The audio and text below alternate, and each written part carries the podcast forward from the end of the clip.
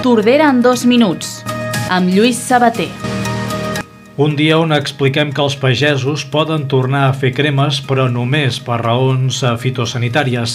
Des de Tordera es lamenta aquesta llei que obliga a compostar les restes vegetals. L'alcalde, Joan Carles Garcia, assegura que s'intentarà que, es que es canvi la normativa tot i que, com que no s'hi està d'acord en general, sobretot per les zones agrícoles, i Tordera tenim una zona agrícola important, s'intentarà que es canvi la normativa en aquest sentit, però és pel canvi climàtic, no per la sequera d'enguany, i és una llei que té abast nacional, per tant s'hauria de regular, tot i que Catalunya regula, s'hauria de regular més a nivell nacional català i matitzar això que ara ens ha arribat, que obliga a tothom.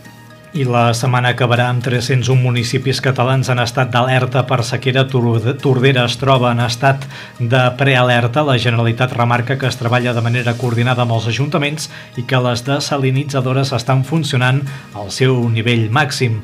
Patricia Plaja és portaveu del govern de la Generalitat. La situació és cert que és preocupant a hores d'ara, la tardor és el, el període en el que es preveuen més pluges, però saben vostès que les previsions no n'estan donant, almenys no de manera immediata. Les desalinitzadores estan funcionant al, al seu nivell màxim i en 7 mesos han aportat més de 47 hectòmetres quadrats al sistema, evitant que els embassaments hagin baixat 6 punts. Avui tenim assemblea dels pressupostos participats a Sant Pere a les 7 de la tarda al local social, divendres a Agora Park, també a la mateixa hora i al local social d'aquesta urbanització.